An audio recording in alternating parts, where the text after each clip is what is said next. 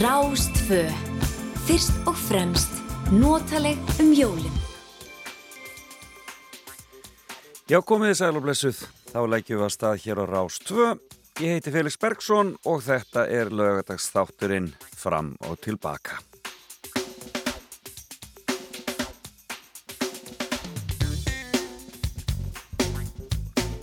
Og hann var nabur í höfuborginni morgun en fallegur samt, fallegt veður. Og þeir segja að það sé útleitt fyrir róleheita veður um helgina.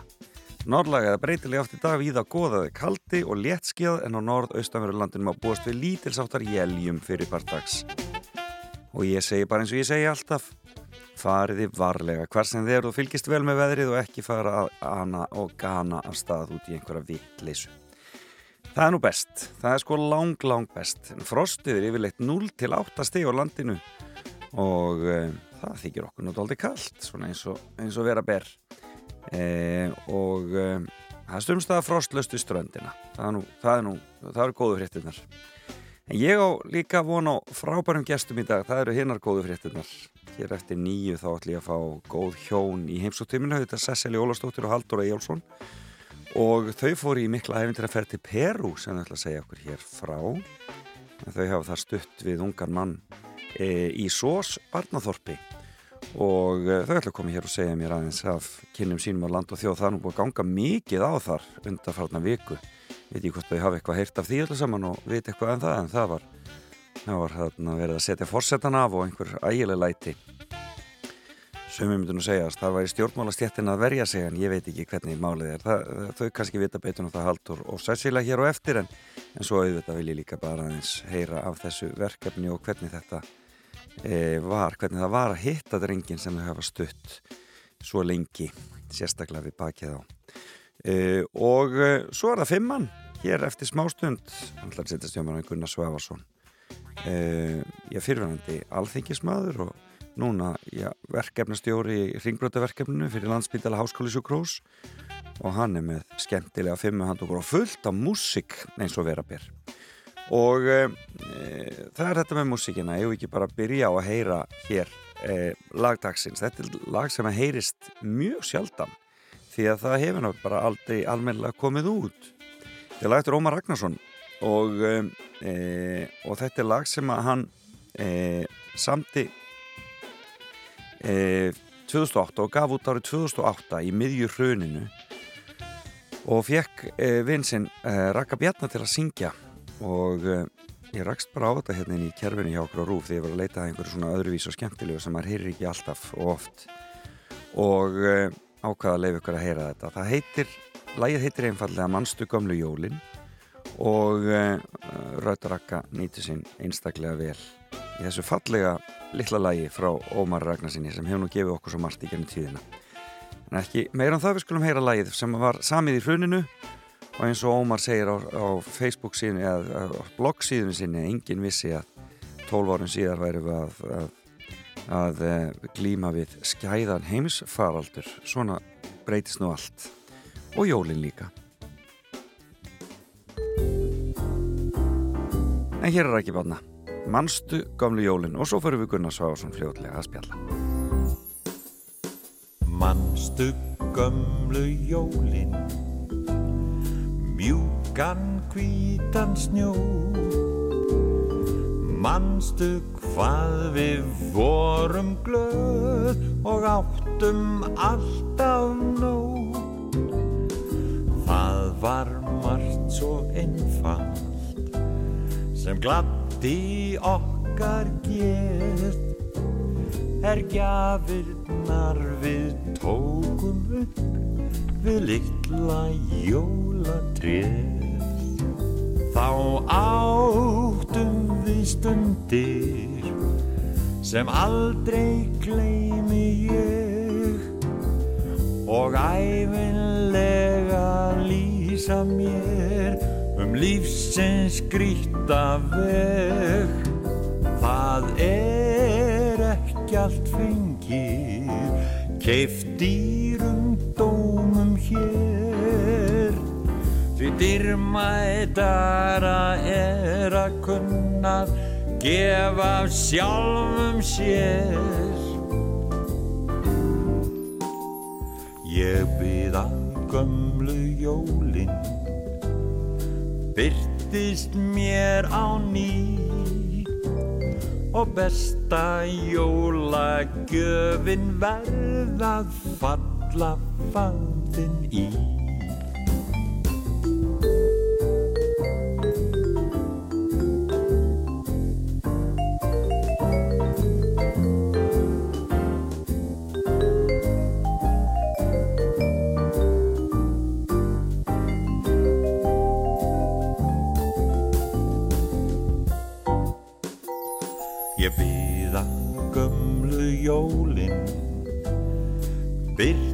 Byrtist mér á ný.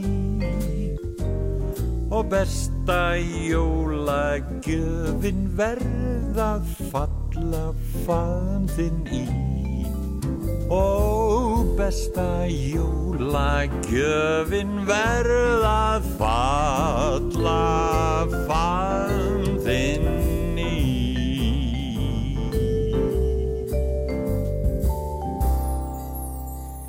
Manstu gömlu jólin, gaman að rifja þetta upp. Lag eftir Ómar Ragnarsson frá árinu 2008 og Ómar náttúrulega alveg ótrúlegur hvað hann eh, kemur miklu frá sér og ég held að hann sé að taka þátt í einhverjum jólatónleikum. Vissum við að hann var að fara að syngja með svo hjá hann Reykjunu Ósk. Sá miklu snillingur, hver vil ekki fara á jólatónleiku að heyra Ómar syngja og gríla. Það er eitthvað sem enginn vil missa af. En eh, það fyrir að líða því að Gunnar Svafarsson setjast að mér, hann er raun að sestur við ætlum að byrja að heyra lag sem að uh, Pálmi Gunnarsson syngur og í mjög uh, já, útgáfi sem að heyrist ekki oft. Hér er Er hún byrtist með Pálma Gunnarsinni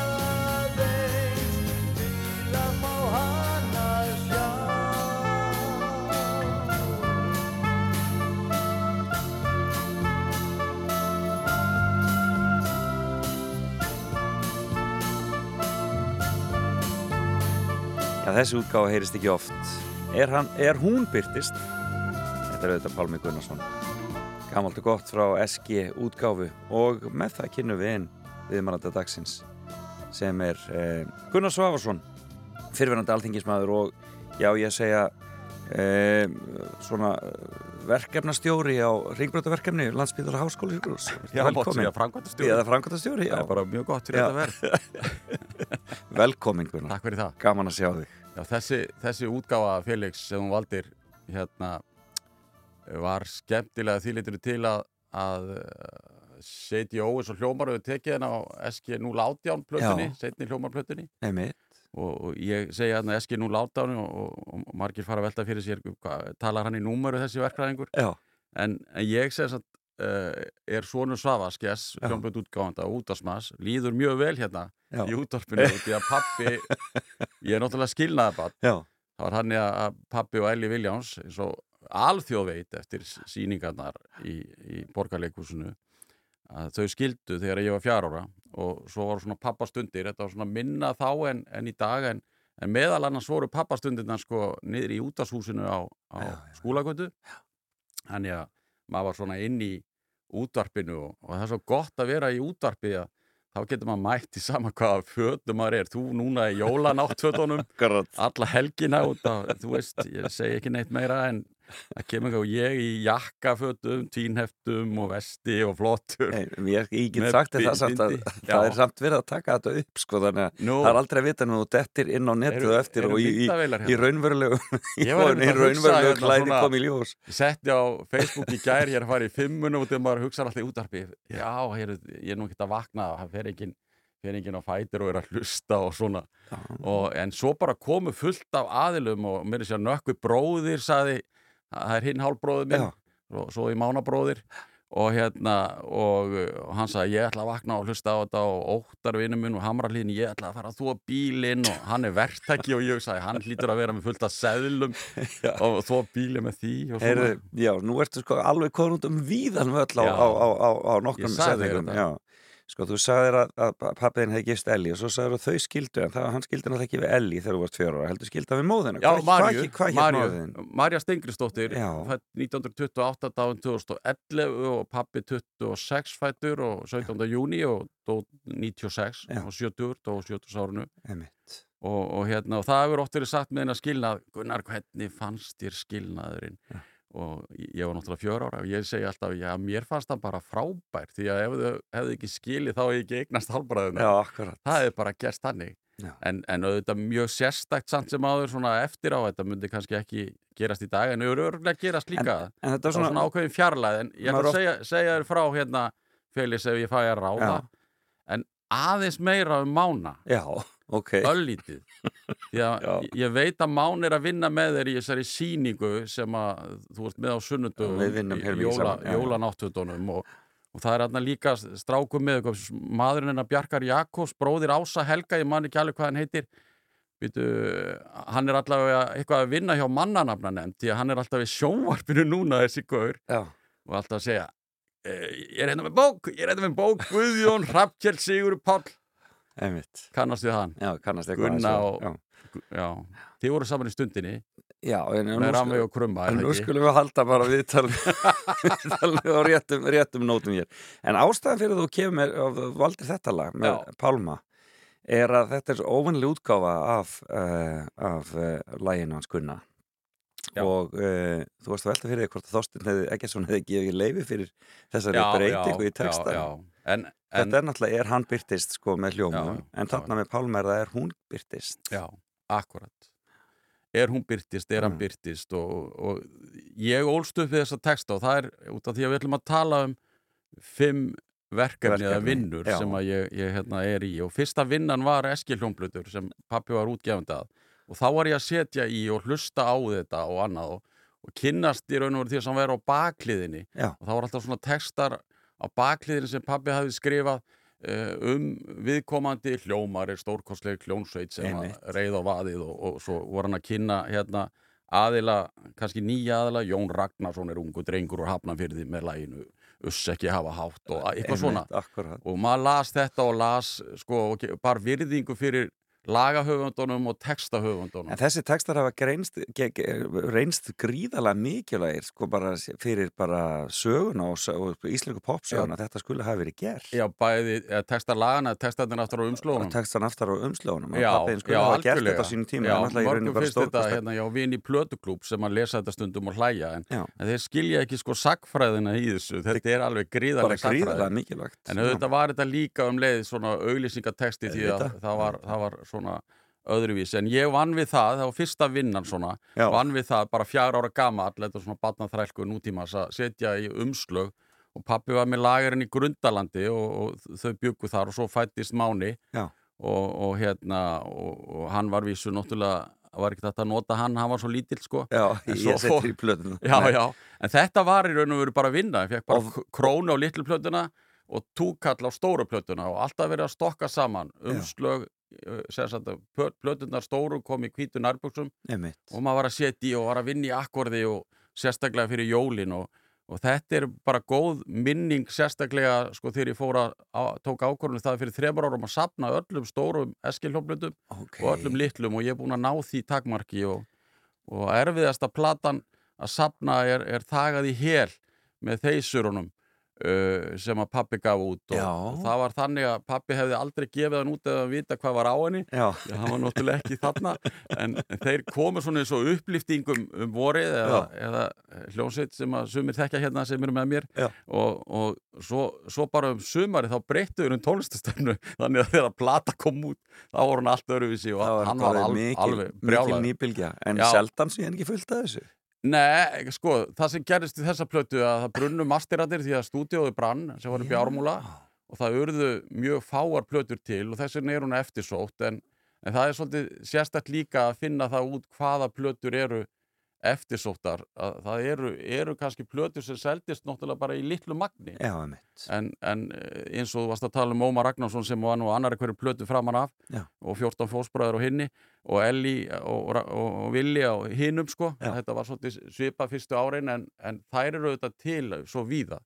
Þá, er það, þá fer ma- svona safnari þá fer hann að safna sko, umslæðið í lægi, platan í lægi og svoleiðis En þið voru aldrei langað til að fara bara alveg inn í þennan bransa, fara bara sjálfur að gefa út hljómplötur eða svoleiðis eða- Nei, nei, mér verður ekki langað til þess og það er kannski þannig þegar að mamma og pappi skildu að þá tók mamma öll hljóðfæri út af heimilinu því að, að kannski skilnaðurinn tengdur hljómsveitinni sem að pappi var í hljómsveit sáða skess og, og þá var bara svona haldið þessu frá okkur mér og herði bróðir og svo á í tvær, tvær eldri sístur önnur um látin Já.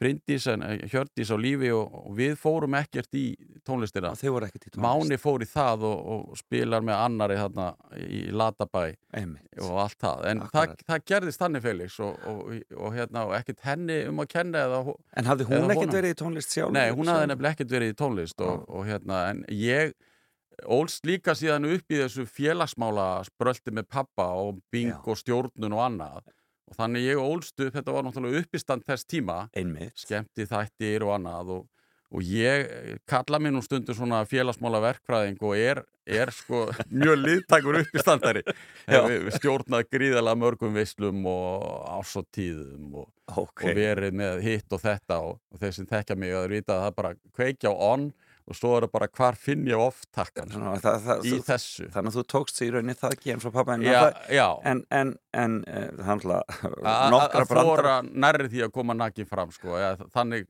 þannig að sé það að ég á mjög auðvelt með að koma fram og, og hérna og ég einhvern veginn, og ég, þú þekkir þetta sjálfur sem leikari og búin að vera í þessu í áratugi. Þetta er að svona distansera sig frá fólkinu en um leið að finna tilfinninguna. Já, þú veist að maður tekur fólkið inn og svo bara segir maður, heyru, við höfum gaman. Já, við höfum gaman, það er eins og hlustendur núna. Þér þau, eru alveg búin að vera hlæja hérna í alla morguna Þeir sem er ekki búin að slökka þar að segja. Já, ekki nökku bróðir, hann lofaði að hlusta. Mán er ekki vaknaður. Heyrðu, næsta lag. Sko, áður en við förum í næsta verkefni Þá er næsta lag, sko, þú baðst um Þetta hér. Já,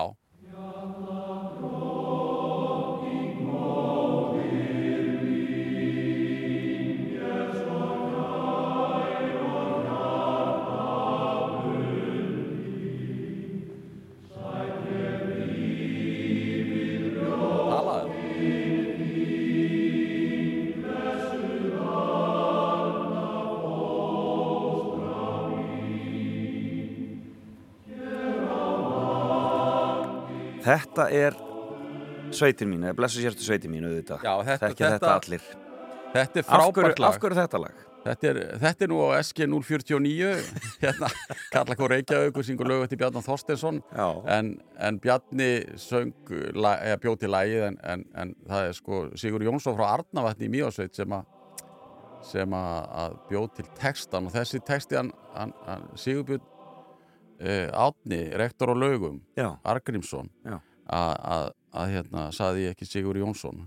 Þetta er langafan sko. Já, já, já. og, og hérna hann var með þetta á Facebook núna um daginn og var að tala um fjöllin og, og þetta er sveitin mín, ekki mýgarsveitin heldur Reykjadalurinn. Og ég fór strax sem sagt fjögur ára gamalt til svona ská af og ömmu Já, sem að var, var afa sýstir mín og hennar maður að, að stafni Reykjadal. Og þarna ólst ég upp var alltaf á sumrið, þess vegna var ég ekki afræðismæður í Íþróttum. Því ég þurfti að vera í sveitastörfunum Já, Það eru vísu sumir sveita, úr sveitinni sem verða afræðismenn en ég var það ekki og, og hérna en kunni alveg sko. Það eru líka störf sem tengja svona þessu að vera í sveitastörf og þegar ég setna þurfti að ráða fólk í vinnu að þá einmitt spurði ég hefur verið í sveit? Og bara ef að viðkomandi hafi verið í sveit eða hafi alist upp í sveit að þá var viðkomandi komið með alveg tvo auka punkta Já, það það, það er bara þannig að, að, að kýtnar það mjólkast ekki sjálfar það þarf að gefa, það þarf að móka flórin það þarf að sópa garðana og, og, og þess vegna skiptir þetta máli, ég var líka í bænum að bera út vísi og, og slíkt með ég var ekki í sveitinni. Já. en svo fór ég norður og, og var eitt Hva- ár á laugum. hvað hétt bærin segir þú? þetta er stafn í Reykjadal. Og hérna eina staðir eru bær sem eru þekktir í bænum því að einar Jónsson Miðill bjóð þar, lækningamiðill en laugar er náttúrulega þekktast í Reykjadalnum. Reykjadal. og nú er þetta allt orðið samin og heitir Þingaðasveit og þarna á ég frábæra vini og frændfólk og, og út um allt, allt Norðurland og þegar ég setna mér, ég var að segja frá því núna að ég var, var á Þingi, þá sögðu alltaf framsóna með ennið við, mig Gunnar, þú ert nú meiri framsóknamaður en ég. En ég sagði þá, nei, ég veit bara hvað landsbyðin þarf að halda. Já, og það, það er bara þannig, maður þarf að vera á breytina nákvæmlega. Þa, En, þannig eru jafnaðamenn en þannig fóstu, fóstu bara frá fjögur ára aldri og varst þá allt Já, sumarið? ég var 14 sumur og, 14 já, sumur. 14 sumur og þessi gaurarna sem er að þóa bílinn hann var á bæ hérna líka var, setna og við fórum einu svona diskoteki á skútustöðum það voru disko, að við vorum búin að læra diskodans í, í Reykjavík og, og, og hérna og, okkur var hent út út í dansuðum disko og mátti ekki dansa disko Já. alveg mjög sorglegt en ég er að vinna, eh, sko, í sveita störf að vinna, ég er náttúrulega bara hjá góðu fólki og Já. fæ alla mína góðu og, og allt það sem að, ég hefði ekki fengið ef ég hefði alltaf verið fyrir sunnan. Já. það er bara þannig, ég segi það bara skuldlaust og, og mikil kærleikur uh, fólkin í þessu. En þegar ég var á laugum þá var ég til að mynda með líka þar góðum krökku ég var í Herbyrgi með Sigurði Eina sem var á heimaðistinni hann var setna íþróttamaður ársins hann var spjótkastari Sigurði Einarsson. Já, já, og, og ha- hann var og ég var góður í starffræði, hann var ekki góður í starffræði og einu sem þegar við erum að labba heima við vistinni hann hafði fengið lága einhver þá segir hann Gunni, það er ákveðin fylgni milli þess að vera góður í starffræði og vera hérna, góð, ekki góður í íþróttum. Já, og þú verður alltaf góður í starffræði og ég verð alltaf lélegur í starffræði en þeir eru svona, svona bætt hvort annan upp. Já, við gerðum það spjótkastinu en en, ég var svona slarkfær, ég var svona í A-liðinu og stundum í B, en ég setna meira, þá fór ég að alveg sinna íþrótta hreyfingunni Já, og, og, og, hérna, og það, er, það er kannski það sem að, að, ég segi. En hva, ég, hvenar, hva, hvað ertu gamall þegar þetta þetta ára lögum? Ég, er- ég, er- það síðastu bekkurinn í grunnskóla Já. pappi vildi sér satt síðan það var eina skipti sem pappi skipti sér á skólagöngunni og ég var með svona frekar góðar engunir, sérstaklega í starffræði Já. og hérna hann sagði, nei þú ferði í mentaskólan hérna, eða að, alþýðuskólan við Hamrahlíð eins og ég kalla það Já. og hann skráði mig inn, ég ætlaði að vera lengur fyrir norðan og ætlaði kannski bara að verða bóndi eða prestur eða eitthvað. Og ég fer í alþýðuskólan við Hamrahlíð og þar kynnist ég náttúrulega alveg bara frábæru fólki. Ég var svo litið mikið í félagslífinu eins og sumir nefnendur og hafði gaman af því stjórnum og ráðum og rakk bóksöluna og, og eitt og annað. Og þá var ég líka að vinna með skólanum því að var alltaf að leita pening og, og þar var ég skemmtilegasta starfið eftir á. Þá var ég klósettvörður í klúbnum já, og, og þá var ég 18 ára og, rétt komst inn í klúbina og á 50 dögum og þá var ég semst að vinna þar sem klósitverður í klubnum við að selja og náttúrulega þrýfa kallaklósitið og annari Já. hæð við að selja rakspýraskvettur ópal og smokka Já. og maður þurfti náttúrulega að gera þetta í réttri röð þannig að þegar að strákandi komu segja, já, heyrðu já, Fáðu þér smá já, rakspíra. fáðu smá rakspýra skvettu já, heyrðu, nei, þú aldar ekki nóg, fáðu þér ópal og svo, svona, já, þarfti ekki að fá þér smokka Já, akkurat. þá skipti ekki máli hvort að maður þurfti að nota og ekki þeir gáðu svo áttu svo erfitt með að segja nei, nei, nei, Nei, ég þarf ekki þarf, en svo var hitt að þurfa að þrýfa og fara Já. heim um nóttina og svona ég var á hjóli, ég man Já. þetta var frekar hvar svona bjóstu þá í bæinu? ég bjó, bjó eiginlega alltaf í hlýðunum og svo, svo hérna bjó ég tíma í, í, í Kóbói, Örstutt. Svo bjó ég á hjónagörðum með basmóðum minni Gíðu Dröfn og, og síðan hérna eh, setna þá flutti ég til Hafnafjörður og var fluttur inn til þess að hækka grindavistöluna og er búin að, margir halda því síðan gablari og, og það var svolítið gama þegar að setna meir ég fór í pólitíkina til að að, hækka að grinda þá, þá, þá var það þannig að svona gamalt fólk sagði Erðu, ertu haffinningur? Og ég var í bæjarstjóndinni Já, einmitt. ertu haffinningur? Já, já, já, ég er haffinningur Hvernig getur þú verið haffinningur? Pappi, svo var gessar ekki haffinningur Nei, akkurat. Þetta er svolítið sérstætt í Hafnafyrði og maður hittir ennþá fólk í dag sem búið að búa 30 ári í Hafnafyrði sem segir, nei, nei, ég er ekki haffinningur Nei, akkurat. en, en, en það eru þetta allir þeir sem þeir eru, jafnvel á Akureyri þegar að fólk flytur þangað þá er það orðið Akureyringar Já, eftir svolt, svolítinn tíma. Þeir eru taka nú aðeins tíma. aðeins tíma. En, en þetta voru vinnundar með skólanum Einmitt. og svo eftir verkfræðinámið þá fer ég að vinna stutt í Býtu, innskólanum býtu, býtu, nú eigum við eitt lag hérna. Eitt eftir. lag? Já. Já. Það er hérna Down the Waterline með Dire Straits. Akkur er það hérna? Já, heyrðu, það er út af Maggi, minn besti vinur sem Já. er núna fórstjóri Rarik og, og var áður fórstjóri Alcoa og Faxaflóa Hafna hann spilaði þetta, hann átti heim í upper class, hann átti heim í einbýlisúsónum í stigali 59 Já. og stigali 59 man þetta bara alltaf keks í skúfónum þar og svona og hann kynnti mig fyrir Dire Straits og ég á alla plötuna Og þú félst alveg. Æ, algjörlega og þetta er á fyrstu plötunni þeirra Hlustum á Down the Waterline. Sweet surrender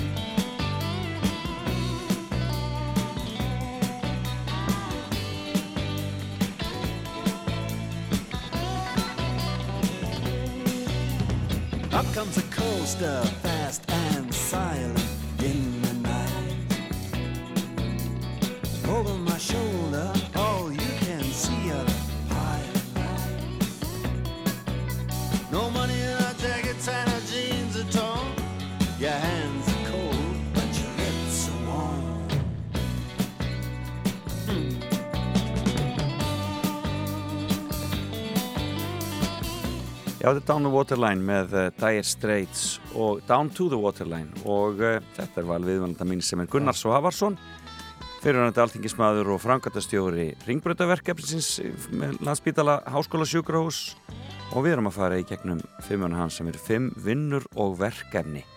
Og við vorum að klára klósetuvörðin í klúbnum við erum búið með sveitastörfin sem barn að stafni í Reykjadal og svo sem barn líka að, að setja plötur í umslag hjá SK hljómblötum Já, En uh, svo fórst í verkfræðina, já.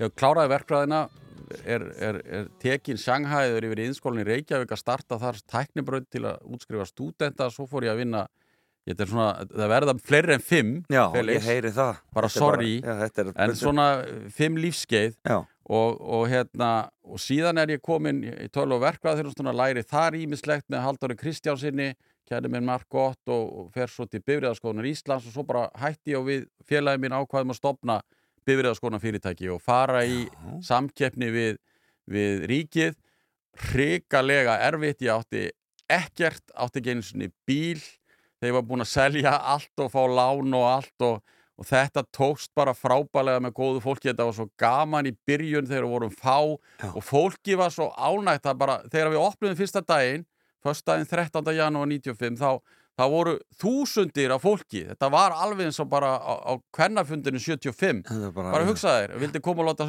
einhvern annar skoða bíl fyrir sig Hvað hétt fyrirtækið? það heitir aðalskoðun Já. og ég var að vinna hjá því í, í sagt, til 2006 og þá, þá sagt, seldi ég og, og var loks efnaðslega sjálfstæður. Þegar ég var búinn að selja þetta var 2006 sko. Já, og það var bara sett á, á, á bland.is nei, það var ekki þannig.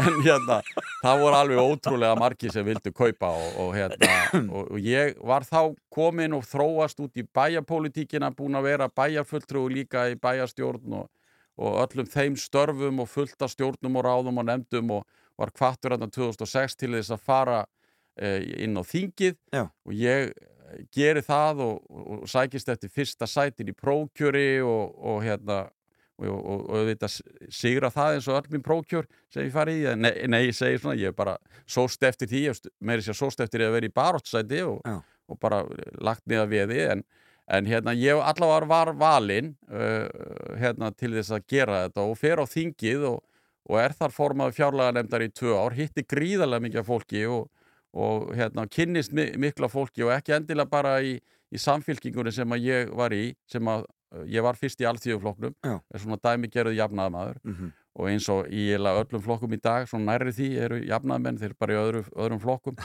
en hérna, ég er þarna og svo er það í raun og veru svona hann í hruninu þeir eru að kveikja skrifstofu mínir þarna á litla sviðinu kallaði ég, sem er, sem er nefndar sviðshúsið, Mhm. ég kallaði það að vera á litla sviðinu því þetta var svona eins og hálfpartin eins og leikrit eða uppistand, svo fór maður á stóra sviðið inn í húsinu Einmitt. þú veist alltaf að vera með bindi og ég átti ekki bindi og þingverðin lánaði með bindi og, og hérna og, og ég einhvern veginn bara hérna þegar átti að fara að kjósa aftur og 2009 að þá bara saði ég, heyrðu, lífið er kærleikur Já. þetta er ekki það að horfa upp á fólki kveika í Oslo-trénu þó að það sé bara sögulegt og allt það en, en þetta var svona fyrir mig uh, ekki nógu hratt Nei, það gerðist ekki nógu hratt ég vildi, vildi geta komið meir í framkvæmt uh, vera, vera svona kannski reddari, vera gæin á klósettinu sem seldi rakspýraskvettuna sko. Og smokkana. já og allt þetta sko að vera, vera í því að, en ekki En þetta ég, ég var ekki ég lagði enga fyrirspurt fram því að ef ég þurfti að vita eitthvað þá bara spurði ég Já. staðan fyrir að vera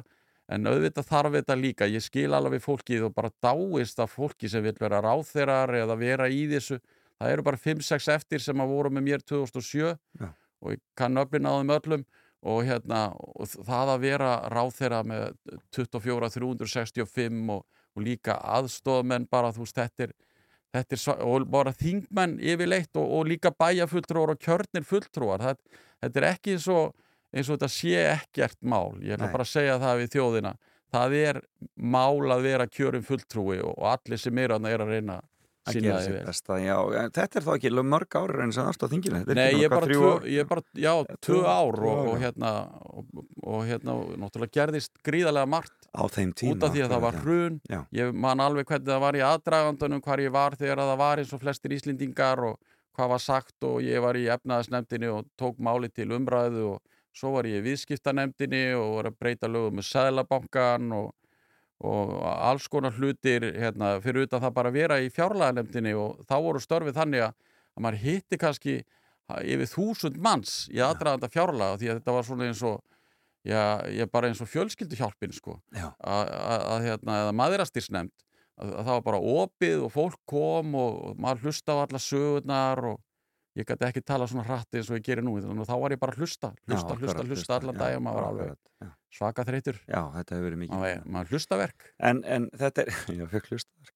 En þetta er sko... Var þetta ekki en, Jú, þetta er mjög gott. þetta er svona mánabrandar En þetta er svona, en hérna, eh, þetta er þá í rauninni, þú í rauninni ert búin að vera í, í bæjarmálunum áður en þú ferðin á þingi þannig að þú, þú upplýðir þar að það væri svona meira að þú væri að ná hlutum Já, í já, gang já, að algjörlega og, og ég var náttúrulega á- þessi 8 ári í bæjarmálum og ég hafi verið lengur, ég var 20 ára þessi 8 ári sem ég var í bæjast þá var ég alltaf meiri hluta Já. og það var átti mjög gott samstarf sérstaklega fyrri kjörtíðanbili við, við Maka Gunn og Hall Óla og Völu og, og, og, og, og þau sem þá voru uh, að hérna á Steinin og Gissur já í, í sjálfstæðisflokknum að, að þau höfðu verið meiri hluta en þau einhvern veginn duttu inn svona eftir á higgja þá var þetta svona góður hópur þó að þetta verið að takast á um alls konar hluti Já, já, þetta en saman þá, þá, þá einhvern veginn það var svona sátt í þessu og það er langt best og það er auðvitað að var að reyna að gera þetta á Akurir á síðasta kjörtíðabili og það- er, er gott en, en hérna bæjamálin fyrir mig mikið, mikið, mikið betri vettvangur heldur en að vera á austurvelli. Já. og þurfa alltaf að reyna að vera ef maður vill vera í því að plugga sér í fjölmiðla. Það eru mjög margir þingmenn sem myndu vilja vera hér í dag Mm. í staðan fyrir mig. og vera með bindið. Og já, ekki endilega, ekki Björn Levi hann væri ekki með það sko. Það þetta var líka Heyrðu, en hérna, en hérna já, ég ætlaði að spyrja þig í sambandi við um, að því þú varst að tala um hérna, þessa uh, hvað, er, nú, sko, Það voru félagsmálin. það var eitthvað sem var hérna, þú ert bara búin að fara svo langt já, ég- það voru félagsmálin já, það, en það, var, já, það eru félagsmálin sem eru farin að já, þau, þau, þau tikka inn en, já, ég ætlaði að spyrja, hvena flytur í Hafnafjörðin? það var já, það sem ég ætlaði að það, spyrja þig það er hérna þegar kona mín sem að við vorum að vinna saman í Vestlunabankanum og hún, hún valdi sætasta strákin í bankanum. Ég var vísu á peningaflutningabíl. Já. hún var að vinna í bankastræti 5 B5 Já. mjög frægur staður núna Vestlunabanki var þar, hún Hrönn Áskistóttir var að vinna þar.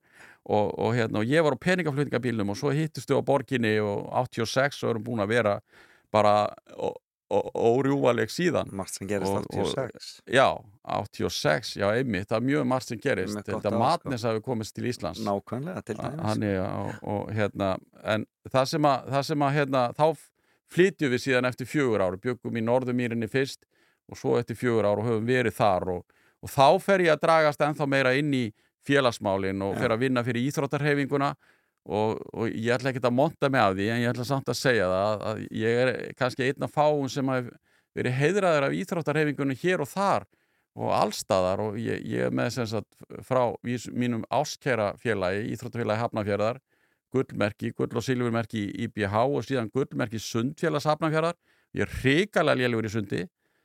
Alveg, ég er með, með silfurmerki Sundsambas Íslands og það, þar, þegar ég fekk það það voru tveir öðlingar Ens Backmann og, og Óskar Ágússon sem að fengu gullmerkið og þeir höfðu kent mér sund. Já, og við vorum þrýr upp á sviði og þeir með gullið og ég með silfrið og mér langaði til að segja ég er algjörlega næri því ósindur Já. og svo, svo er ég með gullmerki frjálsíðutasambassins já, já. var þar í stjórn núna í sex ár, ég með gullmerki ISI og síðan silfurmerki KSI sem er eiginlega fyrir það verk sem ég verið að vinna í 25 ár og það er að vera með knaspinu íðkun á litlarhraunni og ég, þegar ég var 50 þú ert eftir að vera 50 Felix það kemur, en Hlakka þá ákvaði ég að sapna fyrir gerfigrassvelli á, á litlarhaunni og, og sapnaði fyrir já. hátt í, já, sjálfsagt 20 miljóman og nú er því í dag með stuðningi fjölmargra, það var stutt eftir hrun ég hef eftir eina vinnu síðan nýja landsbítalan nákvæmlega. Bara, en ég ætla aðeins að segja með þitt að ég er ennþá í þessu verkefni, ég er að halda úti svona knaspinu vinafélagi og það eru æfingar á sumrin og uppskýruháttíð og leikir og, og þeir sem að hérna, vilja styðja þannig geti borð, borga þjálfarna þeir með alltaf verið í sambandi við mig. Já. og þetta er á að Já, þetta er á Lillarhrauninu og þetta er, þetta er svona dæmikер samfélagsverkefni sem að ég hef ekkert verið að bera á borð nema þegar ég kem kannski svona og, og, hérna, og þetta gengur. Og það eru, já, 25 ár síðan ég fór á hrauninu og ég er búin að vera eins og fangilsmálastjórin nei, fangilsstjórin Haldur Valur Pálsson ég er búin að vinna með þremur fangilsstjórum að hann sagði þessi gaur er búin að vera lengst eila af öllu fyrir utan ímsa fangaverði Siggi Steindór fangaverði var alveg frábær. Já, akkurat, gaman að því. Heyrðu, en er, það er eitt lag hérna? Eitt lag. First Cut is the Deepest. Af hverju? Það voru ég er í Stewart. plötuklúb Já, og ég bað plötuklúbun að velja eitt lag. Og þetta er svo miklu Cat Stevens gaurar. Þeir völdu það, svo var ég á Rod Stewart úr síðustu helgi, þannig að Cat Stevens andi lagið, Rod Stewart syngur það fullkomið, fullkomið. Algjörlega fullkom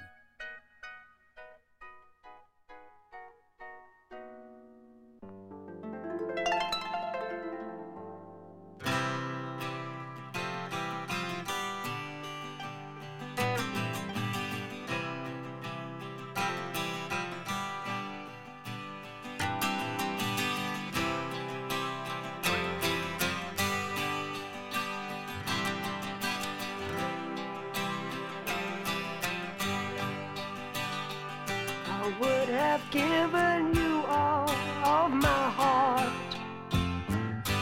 But there's someone who's torn it apart.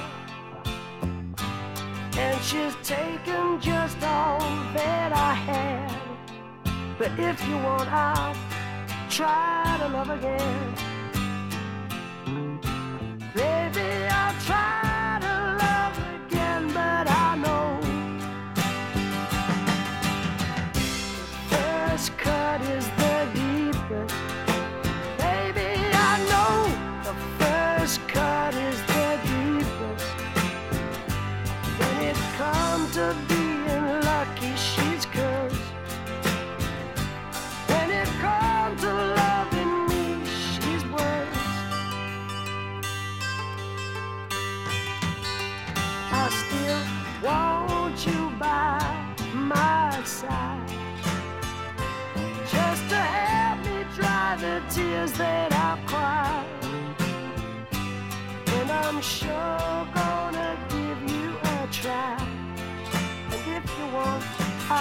Try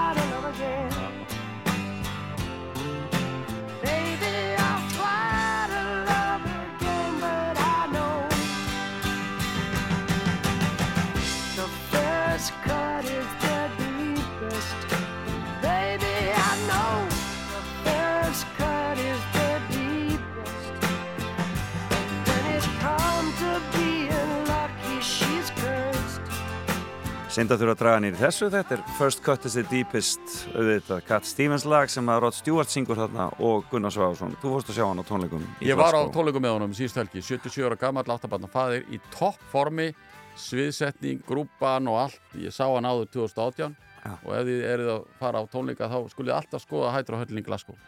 Ég sá þar Fleetwood Mac og Íló með Jeff Lynne og, og fleiri. Flítut Makkmun kom við sögu hér í lokin en við eigum eitt verkefni eftir sem ég langar mikið að spyrja út í og það er e, það sem er að rýsa núna við ringbrautina og við sjáum á hverjum degi sem keirum þar framhjá. Já, Það er landsbítalega háskóli sjúkrahús, loksins, loksins segja á einhverjir. þetta er, var eiginlega þriðja svona kickstarti sem að ég kem inn í Já. og þetta er þannig að, að, að hér, þegar ég hættur á þinginu þá voru einhvern veginn gerðist það, voru margir sem voru að byggja mig að koma í stjórnir eða inn í verkefni og ég var orðin svona stjórnarformaður og, og svo er ég veikur að um hösti 2009 með, með svínaflensuna. Já, eða Já. það var allavega svona frábært að flensa. segja að það væri svínaflensa. Og þá ringir þáerandi heilbriðisar á þeirra og, og segir hérna Álfeyður Ingadóttir og segir við mig hérna Gunni það er verið að leita einhverju svona sem hefur vit. Takk fyrir Álfeyður sagði ég. svona verkfræðingur til að halda utan um svona verkefnastjórn í að setja nýja verkefni við landsbytarnar stað. Og ég sé nei, þetta er ekki eitthvað fyrir mig. Þetta er, ég var nýkomin út á álversteilun í Hafnafyrði og segi það eru svo mikla deilur um þetta og ólíka skoðanir og, og, allt það. Og þá sá hann, hvað ertu veikur? þá segi ég, já, ég er líka veikur núna. Ég get ekki hérna tekið ákvörðun um þetta. Þá svona, já, þess vegna þess vegna, hérna veit ég hvað þú ert að meina, þú ert veikur. Og svo bara las ég í blöðunum, Gunnar Svavarsson hefur tekið ákvörðun um það. Og ég er búin að vera í þessu síðan yfir 13 ár. Já, þetta og, og þetta tími. þróast þannig að, síðan, síðan var ég sem sagt, kringum þetta brölt í byrjun og takast á við alla hópana, það voru heilu samtökin sem voru stopnuð Já. á móti þessu, löpuðin í laugavegin það voru við ekki dvoðlega margir sem voru háarir en þeir sem voru háarir voru mjög háarir og, og ég lærið það meðlan síðan í viðtæli á Rúf, einu sinni á Rútaskona ágætt, hún hérna Þórildur ekki Þórildur, Æ, Ólafsdóttir? Já, já. já. já, hún sagði við mig eftir vitali Gunnar, þú ert alltaf að nota þegar að vera að tala um að einhverju séu á móti eða séu ólíka skoðanir sem ég hafi gert en segja það síðan svo hauslitinir og ég hef alltaf notað það, það eru mjög margi sem eru óanaði með það en hún á þessa línu og ég nota hana bara já það eru ólíka skoðanir um káranhjungavirkjun, um perluna um eitthvað sem að er svona og gætur verið umdeilt en það eru núna, út af því að við mælum þetta með fjölmjölegreiningun, ég er að vinna með mjög góðu fólki niður frá hátt í 30 manns fyrir utan alla hína hundruður hönnuðana og verktakana og annað að, að þá, þá mælum við umröða, nú er allir að býða og við erum auðvitað búin að klára sjúkrahótelið, það er byrjað í rekstri 2019 meðferðarkjartin er að steipast upp 70 törmendra bygging, rannsónumhúsið er að fara af stað, það búið að grafa hóluna bílastað á tæknihúsið og svo erum við komin í fleiri verkefni, eldri byggingarnar. Við erum að, að, að vinna núna hérna bara rétt hjá Rúf í Grensás. Já. að þá að stækka 4000 fermetra viðbygging og svo erum við að hjálpa Háskóla Íslands við að stækka læknagarð loksins. Einmitt, og það er 10.000 fermetra bygging þar sem að að allar deildir heilbríðsvístarsvið sig að fara inn í. Og tæknimálin, tækin og tengigangar á milli og sjálfvirkni. Þetta er mjög stórt verkefni og, og ég eins og ég segi búin að vera í það og ég finna alveg sko að, að þetta er ekki þetta er ekki rólegt eh, eins og var, það eru ótrúlega margir bo- boltar á lofti en sem betur fyrir þá gerir maður svona ekki einn. Nei. að maður er með, með hérna, fólk með sér. Einmitt, og, og frábæra stjórn líka sem er, ég verð nú að segja það, frábær stjórn og það er það er því að hún ræður mig og rekur en það er Finnur Átna og Sigurður Helg og Dani Brynjóls og svo er líka stýrihópur sem að er, þannig að það er mikil stjórnsýsla og mikil eftirfylgni og, og ríkisendurskoðun og, og mikið verið að spyrja og, Það eru miklir og- peningar sem eru og, þarna. og ég, þó ég segi sjálfur frá að hérna, þetta geta vera, vera hérna, draga dul á það að ég kann þessa stjórnsýslu. Ég veit svona hvað opinbyr stjórnsýsla er hvaða á að vera auðvelt að vera með rekjaleika og gegnsægi og líka þegar einhver er að spyrja það þurfa að svara strax og vel að það þurfi ekki að láta býða og reyna að vinna í því og, og annað að reyna að gera þetta því að, að það er mikið auðveldara heldur en hitt. Akkurat, En svo þetta eru hérna úti líka upplýsingar sem eru rángar og ég hef stundu sagt að við skulum ekki fara í stríði því að ef við kveikjum í þessari litlu orustu að þá verður það stríð. Og, og þessin er ég svona sorgmættur við sjáum þessa byrtingamynd í Úkrænu það eru þetta eitthvað sem einhver allar að kveikja sem einhverja litla innrás en er orðið mjög stórt og, og þjóðin, alþjóðin veit í raun og veru ekki hvernig hún á að vinna úr því. og allir tapa í rauninni Já.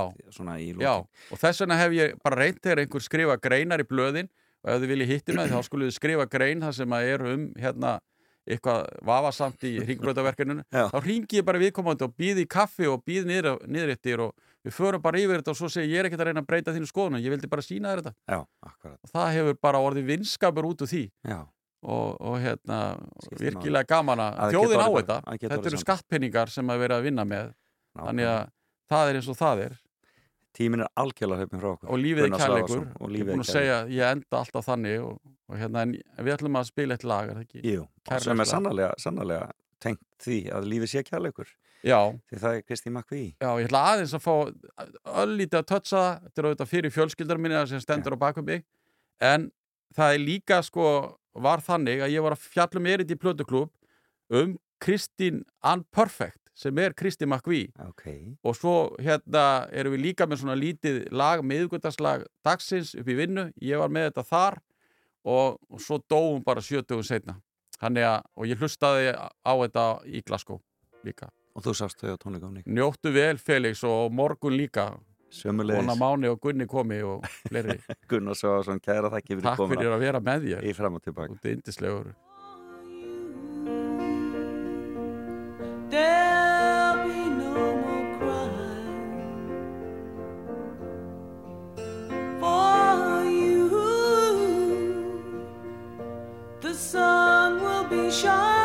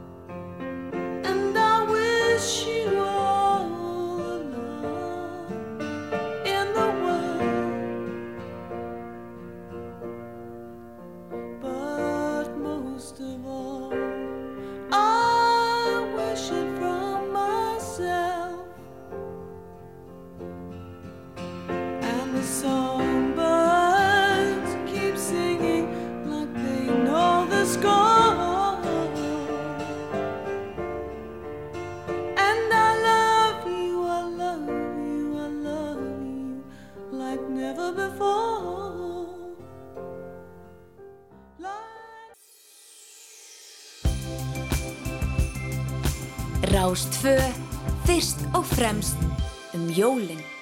Já, þið eru að hlusta á Rástu og þetta er þátturinn fram og tilbaka Gunnar Svavason farinn frá mér, fréttinnar farnir í loftið og eftir smástund fáum við góða gesti.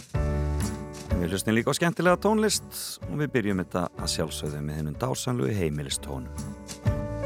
Dagar eru stuttir í desember Dáldi mikil tími í amstur fer Svo mikið um að vera og margt að sjá.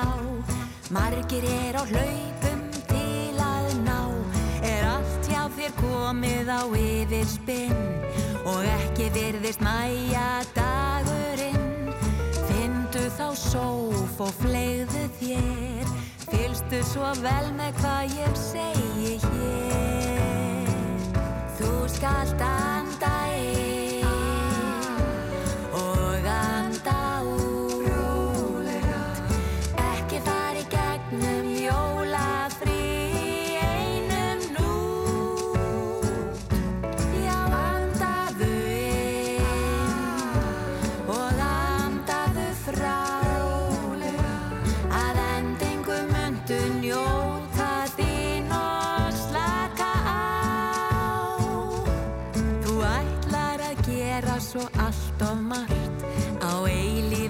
flakki því vesla þar gilda jólabjöll í garðin þinn og gul og rauða seríu á þakkantinn eins að finna jóladress á krakkana og aldeilis að kaupa nokkra pakkana. Á útsölum rakaðir í oktober en ekkert af því gengur í desember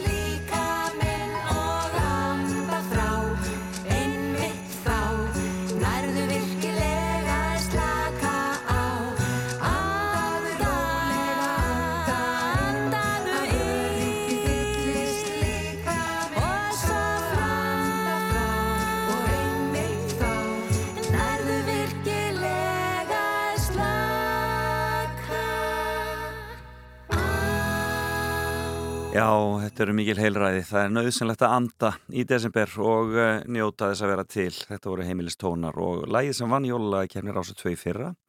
Andaðinn heitir það og það er stórkostleg upptaka þessu lægi frá uh, jólatónleikum Björgvins Haldarssonar.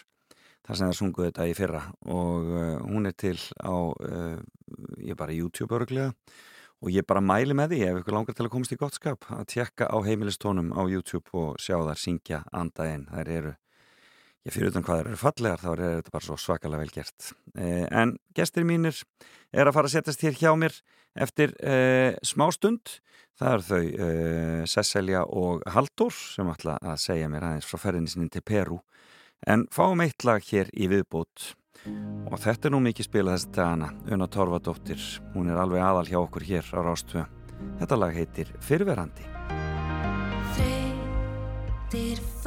fætur dansa ein við barinn svona kortir í fyrir þrjú. Og vinkonan er farin á ný fyrir aftan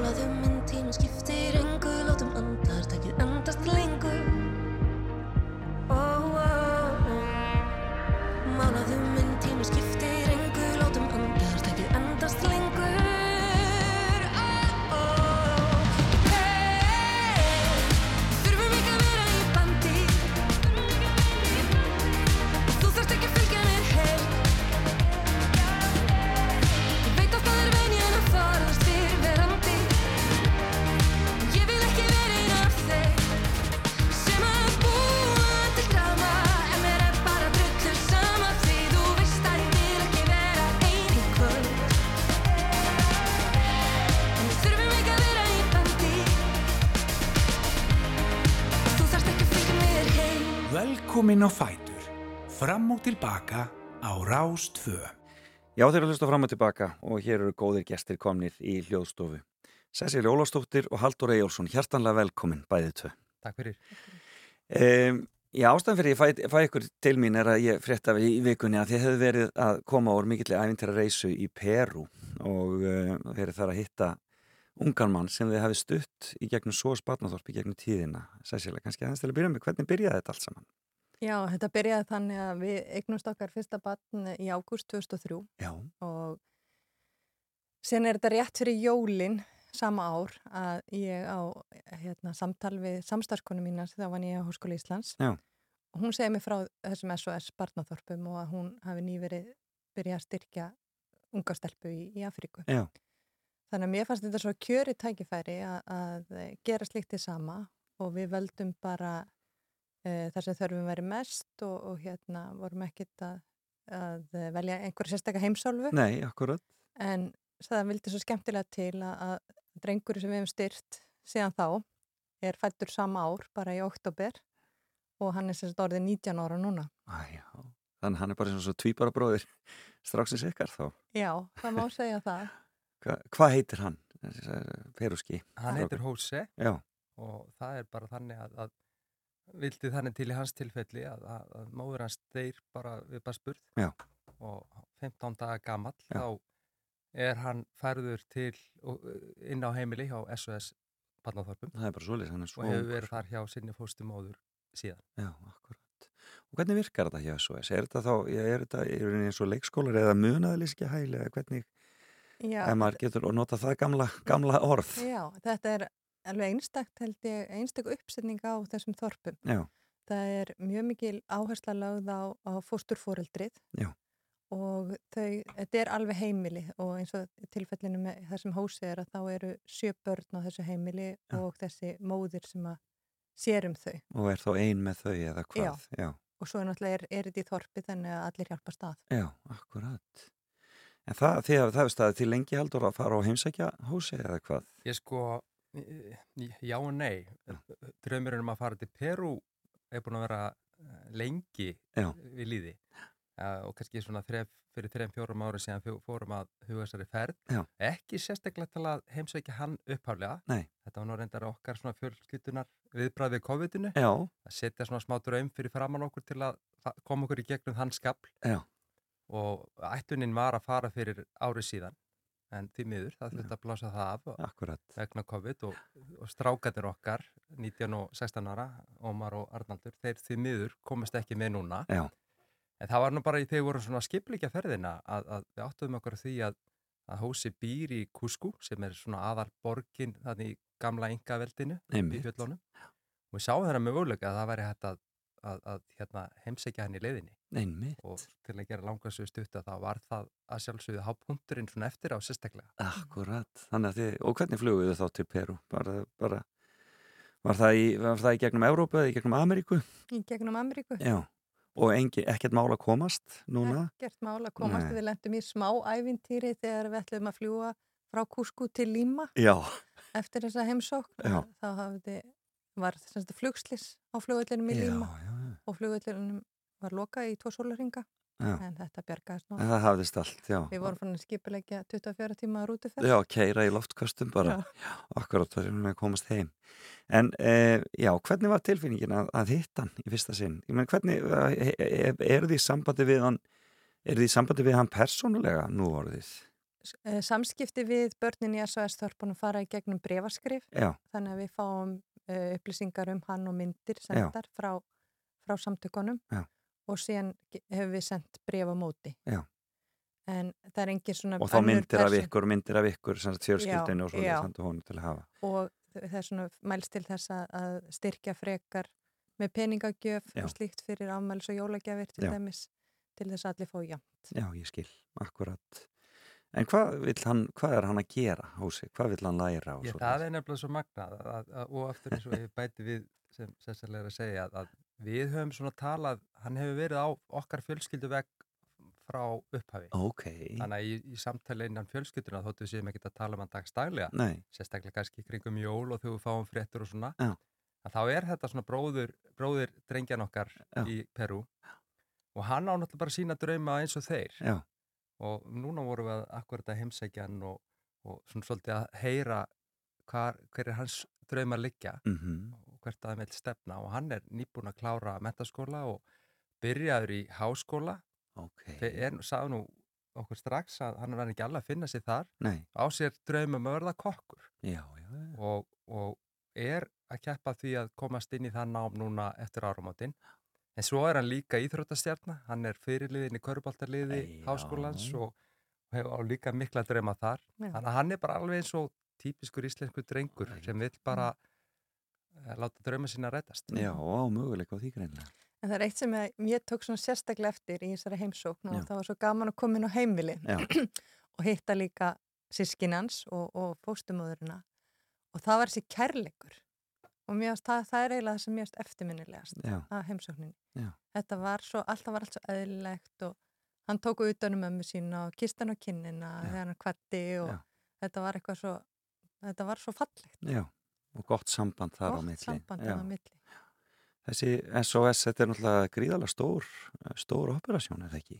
Jú, þetta er hvað, í 138 löndum Já, og yfir akkurat. 500 þorp eða eitthvað svo leys. 540 þorp. Og komust þið í sambandi við þetta bara í gegnum samtökinn þá hérna heima eða hvað?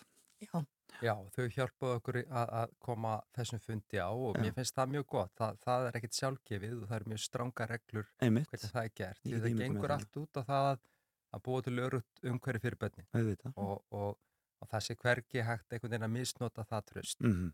og, en það gekk allt saman mjög vel Já. og bara þakka þeim sérstaklega fyrir Já. Mhm. og það er náttúrulega alveg ómetalegt starf sem er unnið hér og víða hér á Íslandi held ég þetta sé orðin 30 ára uh, gömul starfsemi Einmitt. og, og svo þeir sé komið að að þá hafa eh, auðvitað eins og margt síðustu ára aðeins svona gefið eftir, COVID hefur verið mjög erfitt og menn skilja það að menn hafa aðeins dreigið saman seglin.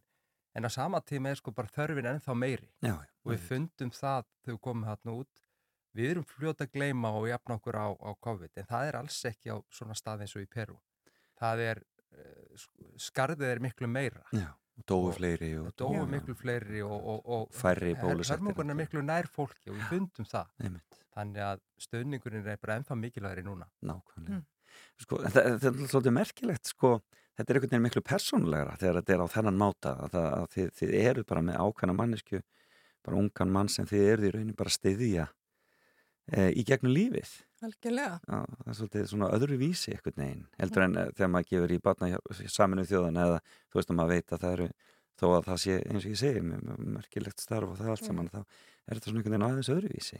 Náttúrulega allur stuðningur er ákálega mikilvæg. Já. En við allavega ákveðum það núna þegar við komum heim að við ætlum að gefa okkur þetta jólagjöf, við ætlum að styrkja tvei börn til viðbútar og halda áfram að styðja hann til þess að hann húsi geti látið drauma sína rætast. Og mér finnst svona alltaf svolítið gaman að setja hlutin í samhengi Já. og það kostar minna að styðja eitt svona barn heldur en að kaupa skyndibita fyrir fjóra Já, eða vera áskrifandi af einhverju ákveðum tímariti eða, eða akkurat, Það verður að vera að setja þetta svona í samhengi við hlutina, þetta er Nákvæmlega. ekki háar upphæðir. Nei, og er, er algjörlega og algjörlega, já, og algjörlega mögulegt að gera Hva, og, en, þegar þið hittu Hosei fyrst sinn, hvernig var það? Hvernig var svona fyrsta, fyrsti fundurinn? Hann var æðislegur. Hérna, þetta var eitthvað svo eðlilegt. Hvernig, hvernig var að koma að þessu? Var, þið komum bara inn í þorpið, er þetta rétt fyrir utan Kúskó þá eða hvað? Nei, hann, þorpið eh, sko er eiginlega bara inn í miðjum Kúsk, í Já, ok, borginni, ok. bara svona í útkverfi Já. og, og uh, Kúsku er 500.000 manna borg Mhm. uh, mjög þétt og hann er bara svona borgarbann sem að býr samt í svona eh, bara ekki lokuðu umhverfi en- svona vernduð Já. og við fórum nokkuð húsavilt, vorum sem á vandram að finna þetta. Já. en bara um leið og dyrnar opnuðist og við sáum þau og, og, og sáum tilhlökun þeirra að hitta okkur það var alveg dásanlegt og þetta er pínulítið eins og að hitta einhvern sem að út búin að þekkja allæfi Já, akkurat.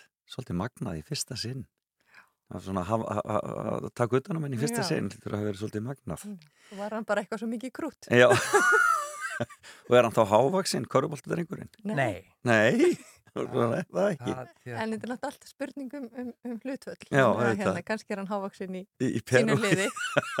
Já.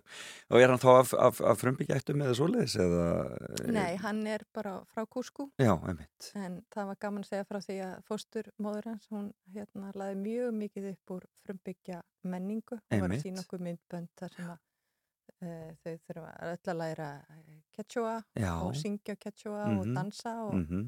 þannig að hann hefur fengið frumbyggja uppeldi Já. en er ekki frumbyggi Nei. sjálfur, hann er úr Kúsku. Úr- Frá Kúsku. Frá Kúsku. og hann er skemmtileg bland af okkar strákum annar er mikill íþrótamaður og hinn er mikill se- söng og dansari Já, leikari. já. Og, og hann er eiginlega hvoru tveggja En skemmtilegt. Og svo náttúrulega matarmenningin, að hann ætlar að vera kokkur, matarmenningin Já. Peru náttúrulega algjörlega stórkostleg. Já, Besti matur sem maður fær á jarðarkringlunni. En það hefur allt orðið vittlust í Peru eftir að þið fóruð þið, náttúrulega gerðu allt vittlust náttúrulega og, hana, og, hana, og skilduð landið eftir í. Ég grýast, er það sem það er búið að vera mikið mál með fórsetan það hérna að því við erum- að fara á framandi slóðir Já. það var bara svona aðeins búin að fylgjast með Já. það var nú bara þannig að bandaríska utaríkisraðuneti var rétt en við fórum búin að setja hækka viðvörunastífi á landinu Það þannig að já, maður hafði já. svona aðeins varan á sér Já.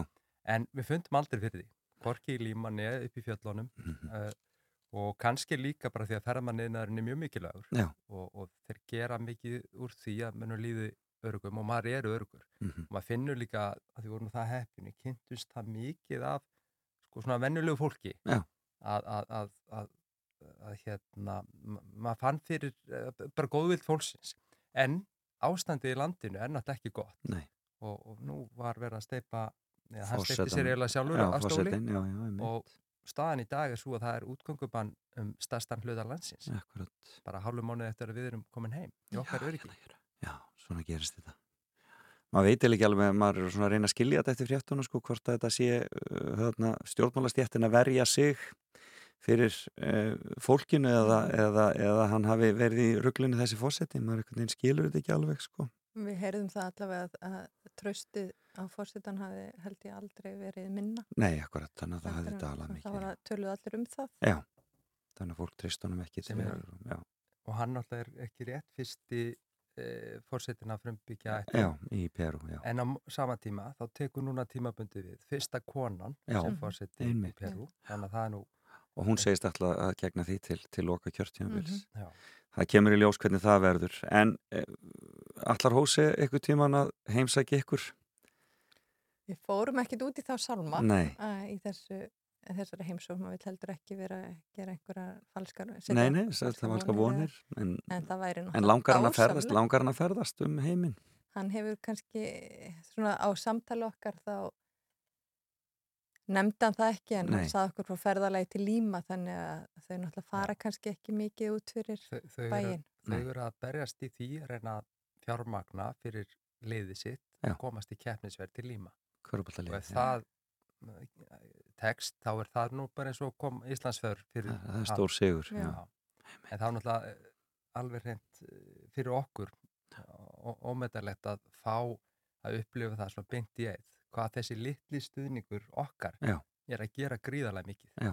þetta skiptir öllu Einmitt. fyrir þessa fjölskyldur og það var ekkert það var ekkert að setja, neitt leikrið að svið með það Nei. fundum það frá þeim og mömmans og allri fjölskyldunni sem var að sjálfsögðu mætt til að Mhm. hitta skrýtna fólki frá Íslandi að, ykkur. að þetta er alveg ómetalegt og, og, sérstaklega þegar við vitum það að, að, að samtökin passa mjög vel upp á það að megin þorri fjársins kemst í hendur Já. eh, þeirra sem þurfa. Já. Það er um hátt í 90% fjármagnsins sem fer beint til þessara fjölskyldna Já. til að stýða börnin Já. og, og það er alveg gríðarlega mikilvægt. Þannig að, að þetta á að vera fyrsti reikningur sem að menn borga um hver mánuða mót og, og, og maður gera það með brósúfur. Sessi Lólustóttir og Haldur Eyjálsson gaman að fá ykkur hingað í og tilbaka. Kæra þakki fyrir að koma og deila þessum,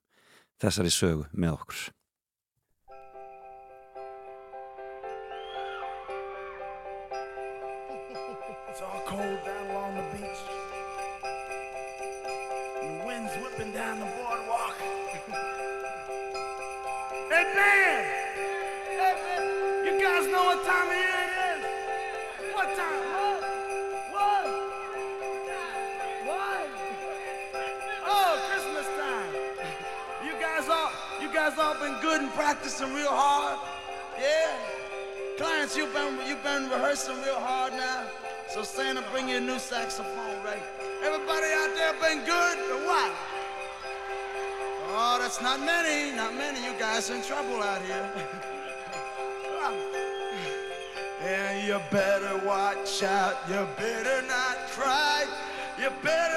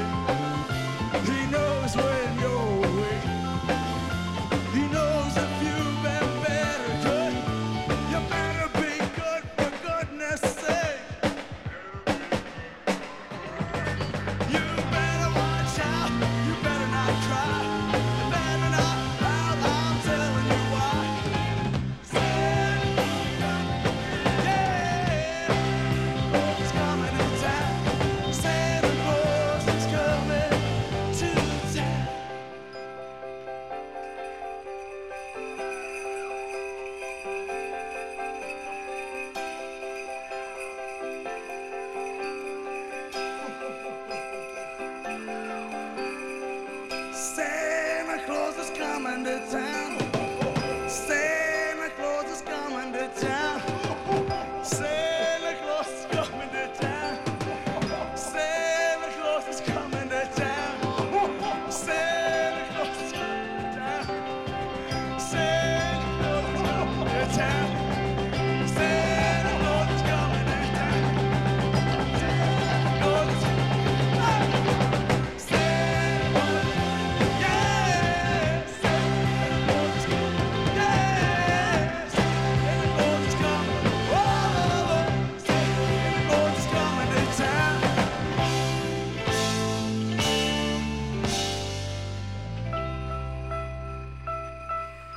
Já, jólasettin kemur og hann er nú sannarlega bara á leiðinni hreinlega. Ég held að stekkjastöður sé bara á leiðinni til byggða. Þetta var að sjálfsögðu Bruce Springsteen. Og það var gaman að fá þau hérna til mín, eh, Halldóra Jölsson og Cecilju Ólafsdóttur og heyra söguna af eh, eh, sininum, eða já, fórstu sininum, eða barninu sem þeir eru að styðja í Peru. Og ég veit að margir eru auðvitað að hugsa til þessara hluta svona á þessum tíma árs og eh, Já, er þetta ekki bara tilvarin jólagjöf að setja einhverja í gang með einhverja svona aðstóð með einhverju góðu, í einhverju góðu starfi til dæmis hjá SOS Barnaþorpum. Ég segi bara. Rás 2. Fyrst og fremst um helgar.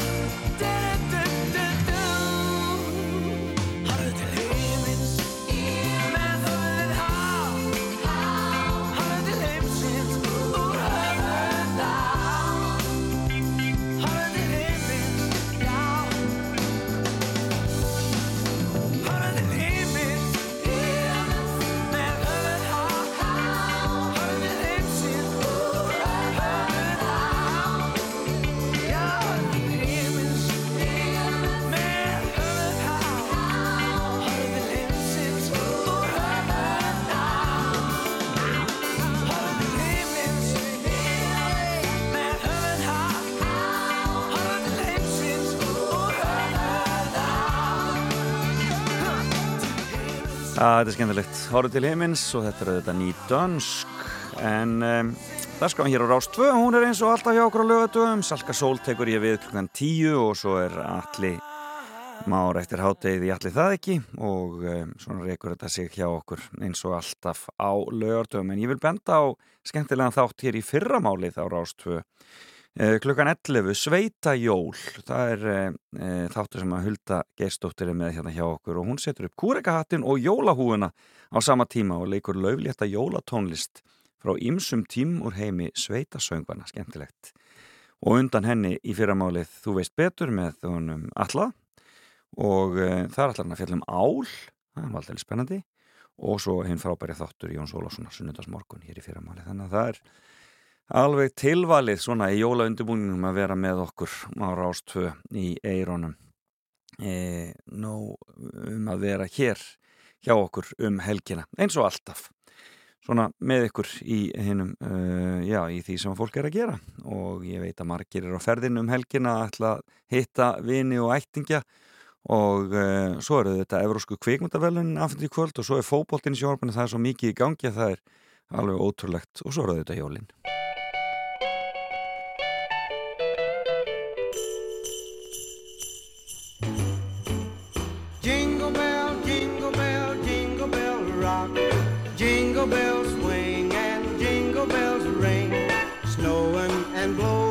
blowing bushels of fun. Now the jingle hop has begun. Jingle bell, jingle bell, jingle bell rock. Jingle bells chime and jingle bell time. Dancing and prancing in Jingle Bell Square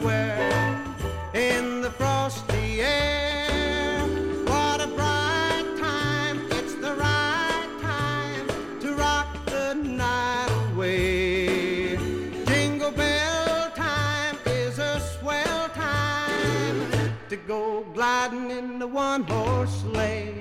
Giddy up, jingle horse, pick up your feet. Jingle around the clock.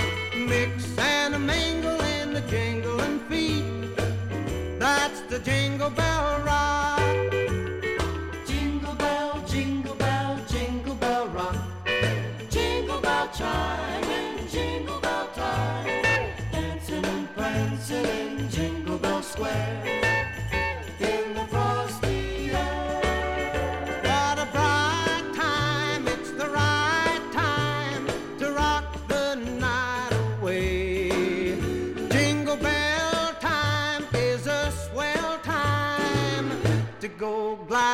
In the one horse sleigh.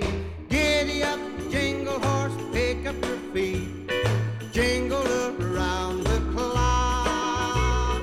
Mix and a mingle in the jingling feet. That's the jingle bell. That's the jingle bell. That's the jingle bell rock. Þú ert að hlusta á Rás 2.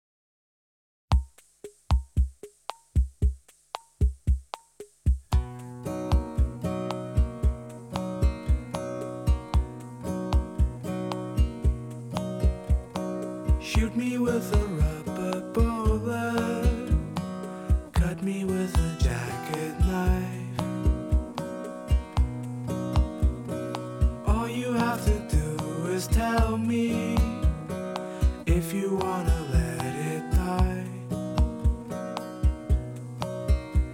You look into my eyes and say you're okay. But that's just your way to say you want something better. If we never break the cycle, can we be truly free? Gently swaying with the current, driftwood on the open sea. We face an open door and pick the threshold. Will we grow old without trying something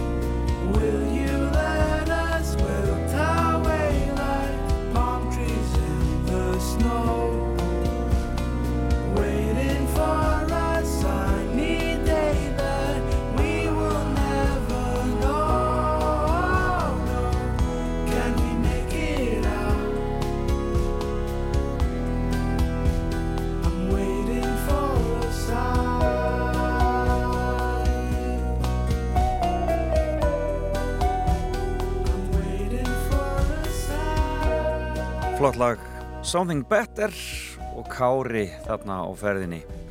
Svona eru nú krakkarnir okkar að gera flotta músík. Fram og tilbaka Ljúfur laugadagsmorgun á Rástvö If someone told me that the world would end tonight You could take all that I got for once I wouldn't start a fight. You could have my liquor, take my dinner, take my fun, my birthday cake, my soul, my dog, take everything I love. But oh, one thing I'm never gonna do.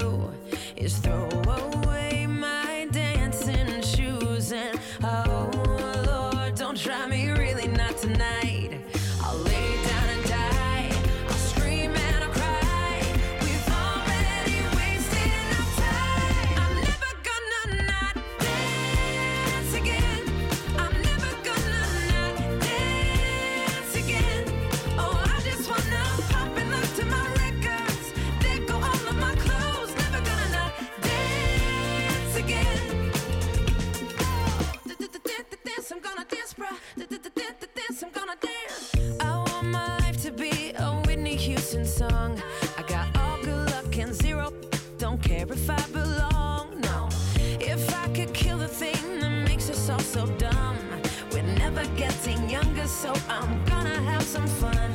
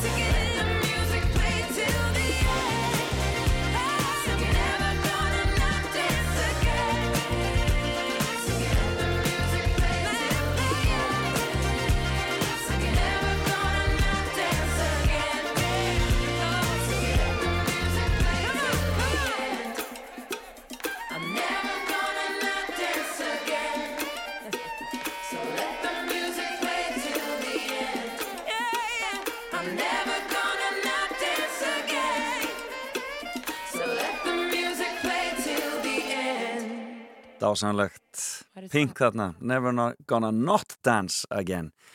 Þetta er búið hjá mér í dag. Ég þakka frábærum viðmælendum mínum uh, Haldur Ejálsson og Cecilju Ólafsdóttur sem komi hér og töluðum heimsók sína til Peru í SOS Barnaþorpið þar og svo Gunnar Svavarsson sem var hérna hjá mér í fyrirluta þáttarins og við töluðum um fimmuna hans, fimm vinnur og verkefni sem hann hafi komið í við á löngum ferli og það var nú ímislegt sem þar kom við sögu til dæmis hófan ferilinn við að setja plötur í umslag hjá Eskil Hjónplötum og vart klósetvörður á klúbnum á tímabili.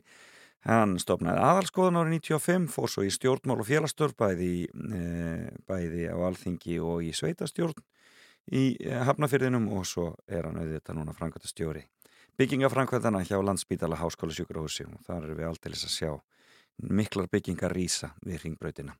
En við skulum klára þetta með heildivölu. Nýja lagið hennar heitir Eitt stundarbil og uh, svo tekur Salka Sól við hér en takk fyrir í dag. Bless, bless.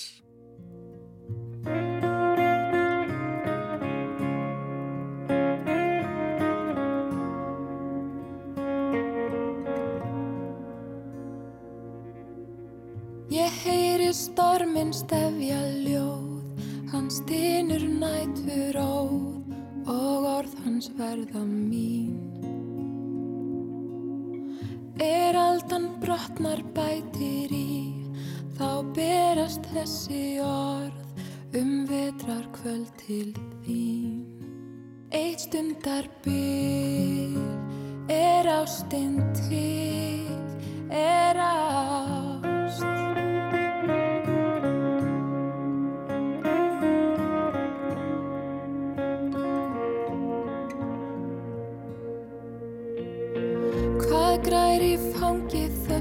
Frís, fangað undir ís, þar dafnar varla neitt. Hinn sanna ást er engu líf, við alkul á hún líf, því getur ekkert